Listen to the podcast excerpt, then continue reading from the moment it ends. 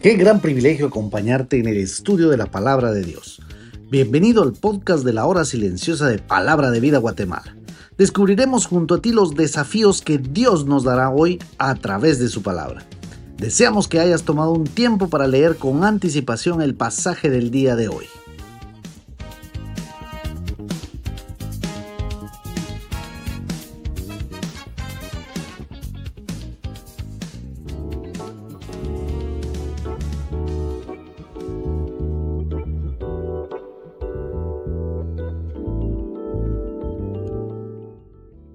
Qué bueno estar en el comentario de la hora silenciosa. Te saluda Oscar Fuentes del Ministerio de Palabra de Vida aquí en Guatemala. Hoy estaremos en Primera de Juan capítulo 2 del versículo 1 al 6. Eh, dice la palabra de Dios, hijitos míos, estas cosas os escribo para que no pequéis. Y si alguno hubiere pecado, abogado tenemos para con el Padre, a Jesucristo el justo. Y Él es la propiciación por nuestros pecados, y no solamente por los nuestros, sino también por los de todo el mundo. Y en esto sabemos que nosotros le conocemos si guardamos sus mandamientos. El que dice yo le conozco y no guarda sus mandamientos, el tal es mentiroso, y la verdad no está en él. Pero el que guarda su palabra, en este verdaderamente el amor de Dios se ha perfeccionado. Por eso sabemos que estamos en Él.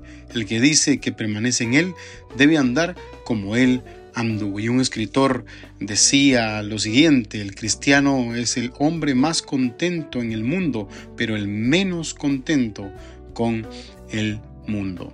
El día de hoy vamos a ver que Juan nos quiere dar una lección tremenda, una lección que desde el principio podemos ver que Dios trata allí con Adán y Eva que fueron formados. Siempre el hecho de decirles de no pecar, de no tomar del árbol que estaba prohibido. Juan con mucho cariño lo hace el día de hoy porque probablemente ya él estaba avanzado en años y de una manera amorosa nos anima con el escrito de esto. Y de una forma directa os escribe esto para que no pequéis, os escribo para que no pequéis. La primera aclaración que nos hace Juan acá es que no pequen. La naturaleza de que somos hijos de Dios nos llama a pecar por accidente, no por costumbre. En Santiago capítulo 3, versículo 1, por ejemplo, va a decir que todos nosotros ofendemos muchas veces. Y Santiago dedica esos versos de la palabra de Dios que muchas veces ofendemos con la lengua. Ese miembro que no para de hablar, que no para de ofender, que no para de moverse y que deberíamos de refrenar.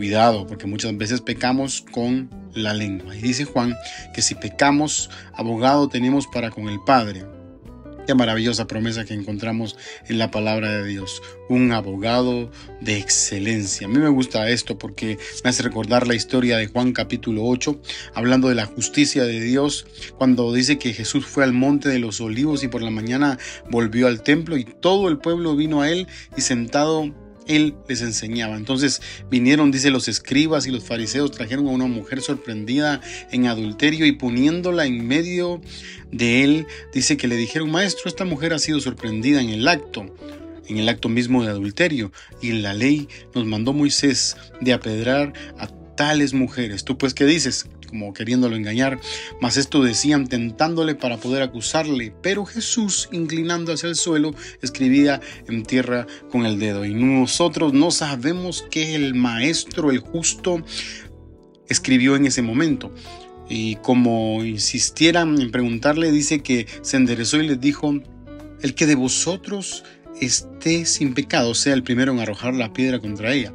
Inclinándose de nuevo, dice que hacia el suelo siguió escribiendo en tierra. No sabemos qué estaba escribiendo, pero ellos al oír esto, acusados por su conciencia, salían uno a uno, comenzando desde los más viejos hasta los postreros, y quedó solo Jesús y la mujer que estaba en medio de ellos.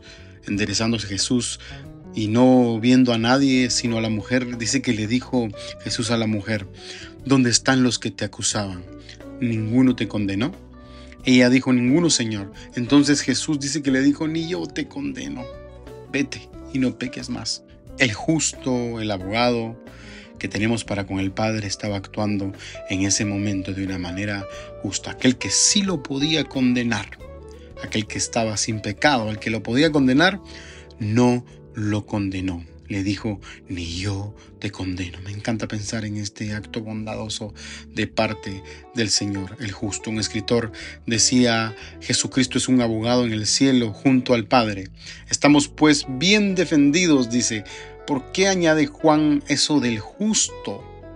Es precisamente por ser justo sin pecado por lo que Cristo puede abogar eficazmente a favor de los creyentes que caen en pecado. El adjetivo aquí es el justo. Allí en 1 de Juan 1.9 eh, era Dios, pero aquí el epíteto tiene un alcance mayor entonces, como hace notar algún escritor al decir el caso no es el de un amor que aboga ante la justicia, más bien lo contrario, la justicia aboga ante el amor para nuestra exoneración. Qué maravillosa verdad, algo maravilloso porque después dice que Él es nuestra propiciación, no solo para nosotros, sino para todo el mundo ya se indica que Jesucristo entonces eh, no solamente es el propiciador, sino es la propiciación en su máxima excelencia. El sumo sacerdote y es la víctima. Lo primero es obvio, pues el oficio de abogado lo incluye en realidad. En cambio, lo segundo que sea propiciación no es tan obvio, pues muy rara vez un abogado se ofrece a sí mismo en sacrificio como propiciación por su defendido. Un abogado es un abogado, pero aquí en este caso es el abogado y es la propiciación por excelencia tenemos que dar un agradecimiento fuerte al Señor por eso. Por eso hoy en día podemos decir que Dios es nuestra propiciación. Del verso 3 al 6 habla de que nosotros debiéramos ser delante de Dios o guardar sus mandamientos. La palabra de Dios ahí en el libro de los Salmos dice, eh, ¿con qué limpiará el joven su camino? Con guardar su palabra. Salmo 119, 9. Con guardar su palabra. Tenemos una gran responsabilidad delante de Dios, porque el que dice conocer a Dios y sigue con su pecado, el tal es mentiroso. Por eso vive a mí me encanta cómo finaliza Juan acá en el verso 6. El que dice que permanece en él debe andar como él anduvo. La palabra de Dios en 1 Pedro dice, sed santos porque yo soy santo.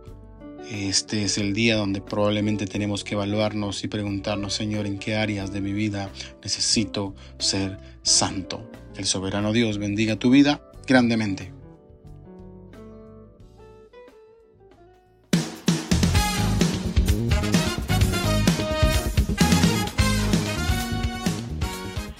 Es emocionante saber los tesoros que Dios tiene en su palabra para nosotros.